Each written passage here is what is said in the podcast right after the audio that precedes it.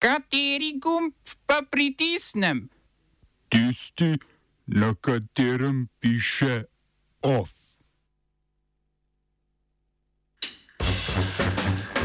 Biden po srečanju predstavništva šijem kitajskega predsednika oklical za diktatorja. Pentagonove milijardne računovodske napake.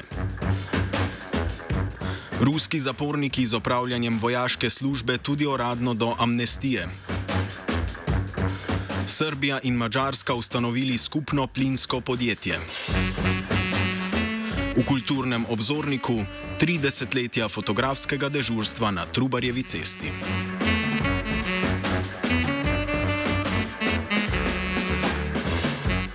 Ameriški predsednik Joe Biden je kitajskega predsednika Xi Jinpinga oklical za diktatorja. Za balon, ki je nad Združenimi državami letel med koncem januarja in začetkom februarja, za katerega američani trdijo, da je bil vohunski, po Bidenovih besedah Xi ni vedel. Nekaj takega pa je, je zatrdil Biden, velika sramota za diktatorje. Kitajsko zunanje ministrstvo je Bidenovo opasko obsodilo z izjavo, da gre za absurdne in neodgovorne trditve, ki resno kršijo osnovna dejstva, politično dostojanstvo Kitajske in standarde diplomatskih protokolov. Biden je ostre besede izjavil dan potem, ko se je ameriški državni sekretar Anthony Blinken vrnil z obiska v Pekingu. V ponedeljek se je Blinken sestal s Šijem. Strinjala sta se o stabilizaciji odnosov med vele silama, a jasnih sprememb srečanje ni prineslo. Po mnenju Blinkna so bili med pomembnejšimi tokrat pogovori o ponovni vzpostavitvi neposrednih komunikacij med najvišjimi ameriškimi in kitajskimi poveljniki. Kitajska je vzpostavitev tovrstve, tovrstne komunikacije zavrnila, kot oviro pri tem pa navedla sankcije Združenih držav. Glede odprave ameriških sankcij proti Kitajski, ki se tičejo predvsem polprevodnikov in naprednih čipov, prav tako ni bilo napredka.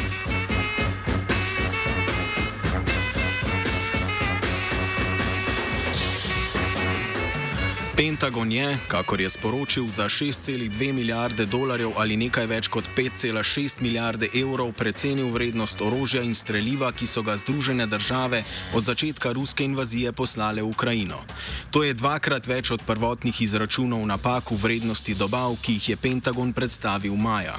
Kot uradni razlog za napake je Pentagon tako v majskem kot v tokratnem izračunu izpostavil, da so pri obračunih računovodski oddelki uporabljali vrednost orožja orožja, kakršna bi bila, če bi kupili novo orožje, ne pa dejanske vrednosti orožja v skladiščih. To po mnenju Pentagona pomeni, da lahko v Ukrajino pošljejo še več orožja.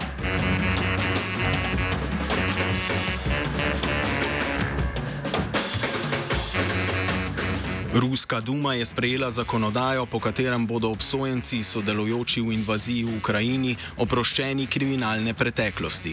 Doslej je predsednik Vladimir Putin obsojence, da bi lahko služili v redni ruski vojski, pomilostil z odloki. Po obstoječi zakonodaji obsojenci in osumljenci niso smeli sklepati pogodb z ruskim obrambnim ministrstvom. Rekrutacije zapornikov se je do dobra posluževala zasebna najemniška vojska Wagner. Nova zakonodaja zakonodaja sicer ne bo omogočala pomilostitve obsojenim terorističnih dejanj, spolnih deliktov, vohunjenja ali izdaje.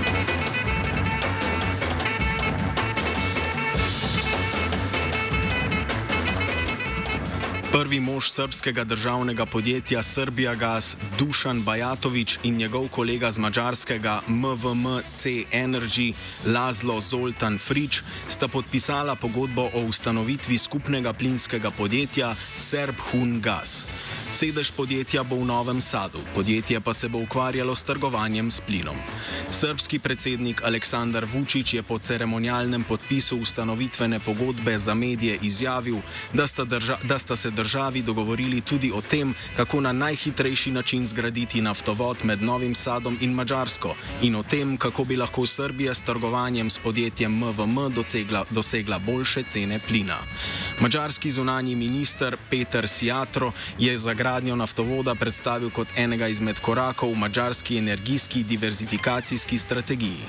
Državi sta se že maja 2020 dogovorili, da je Srbija lahko skladiščila svoj zemljski plin v skladiščih na mačarskem. Rusija ostaja glavni dobavitelj zemeljskega plina tako Srbiji kot Mačarski.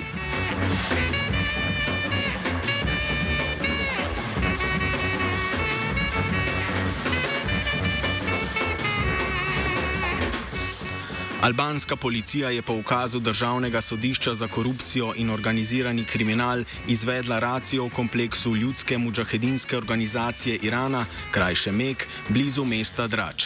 V akciji je umrl en pripadnik organizacije, ranjenih je bilo več kot sto.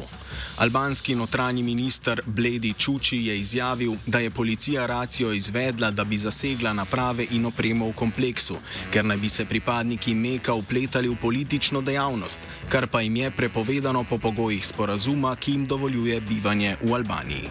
Šef policije Muhamed Rumblaku je zanikal obtožbe Meka o uporabi prekomernega nasilja, policijske sile naj bi se poslužile zgolj uporabe sozivca. Kot je še dodal, je bila uporaba takšnih sredstev zgolj odgovor na nasilje članov organizacije, razlog za smrt posameznika pa je pripisal srčnemu napadu. Mek je zaradi racije zahteval posredovanje EU in mednarodne skupnosti. Člani Meka so se leta 2003 po posredovanju Združenih držav Amerike preselili v Albanijo in Francijo. Okoli 3000 članov na podlagi dogovora iz leta 2014 ostaja v Albaniji v močno zastraženem kompleksu. Lanskega septembra je Albanija z Iranom prekinila diplomatske odnose. Kot razlog so navedli kibernetski napad, za katerega so obtožili Iran. Kibernetski napad je bil po trditvah albanskih oblasti usmerjen prav proti Meku.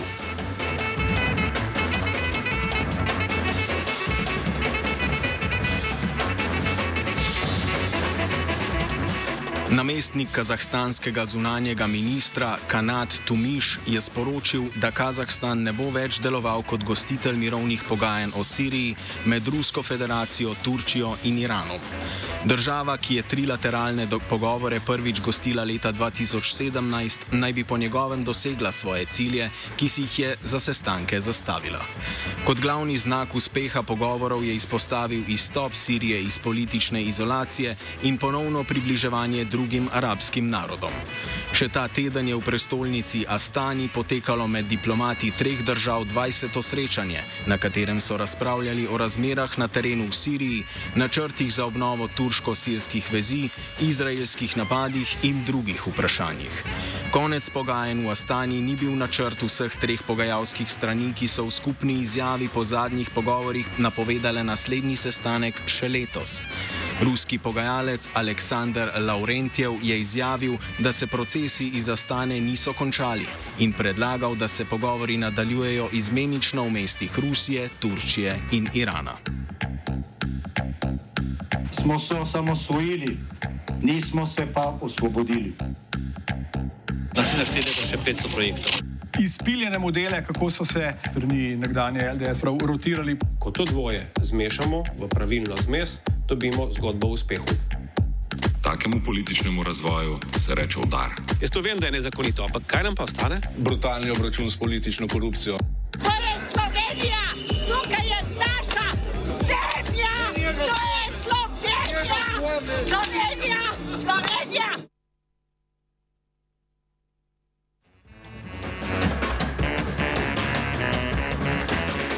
Državni zbor je predlog zakona o digitalizaciji zdravstva poslal v nadaljno obravnavo. Nadaljno obravnavo so podprli v vseh strankah, razen v slovenski demokratski stranki. Za zakon ministr za zdravje Daniel Bešič Loredan zagotavlja, da bo v zdravstvo upeljal digitalno transparentnost.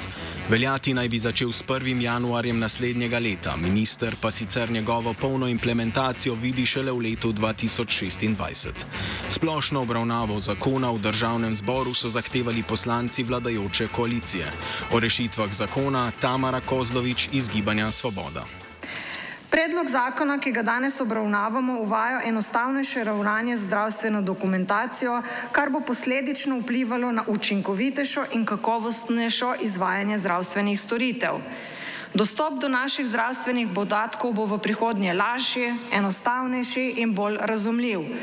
Vsi pacijenti bomo v prihodnje končno imeli dostop in upogled do njih in to praktično v vsakem trenutku. Predlagan zakon pa ureja še veliko več. Vsi izvajalci zdravstvene dejavnosti bodo po novem dolžni zdravstveno dokumentacijo posredovati v centralni elektronski zdravstveni zapis. S tem se bo pridobilo celovitejši nabor zdravstvenih podatkov pacijenta in omogočilo kakovostnejšo zdravstveno obravnavo.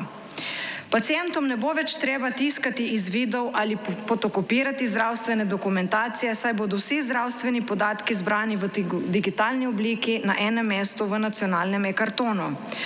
Ne glede na to, v katero zdravstveno stanovo bo pacijent prišel, bodo podatki o njegovih preteklih zdravljenjih in zdravstvenih storitvah dostopni preko centralnega zdravstvenega informacijskega sistema.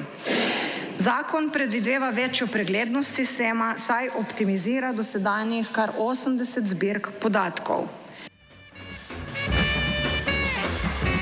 OF je pripravil Filip.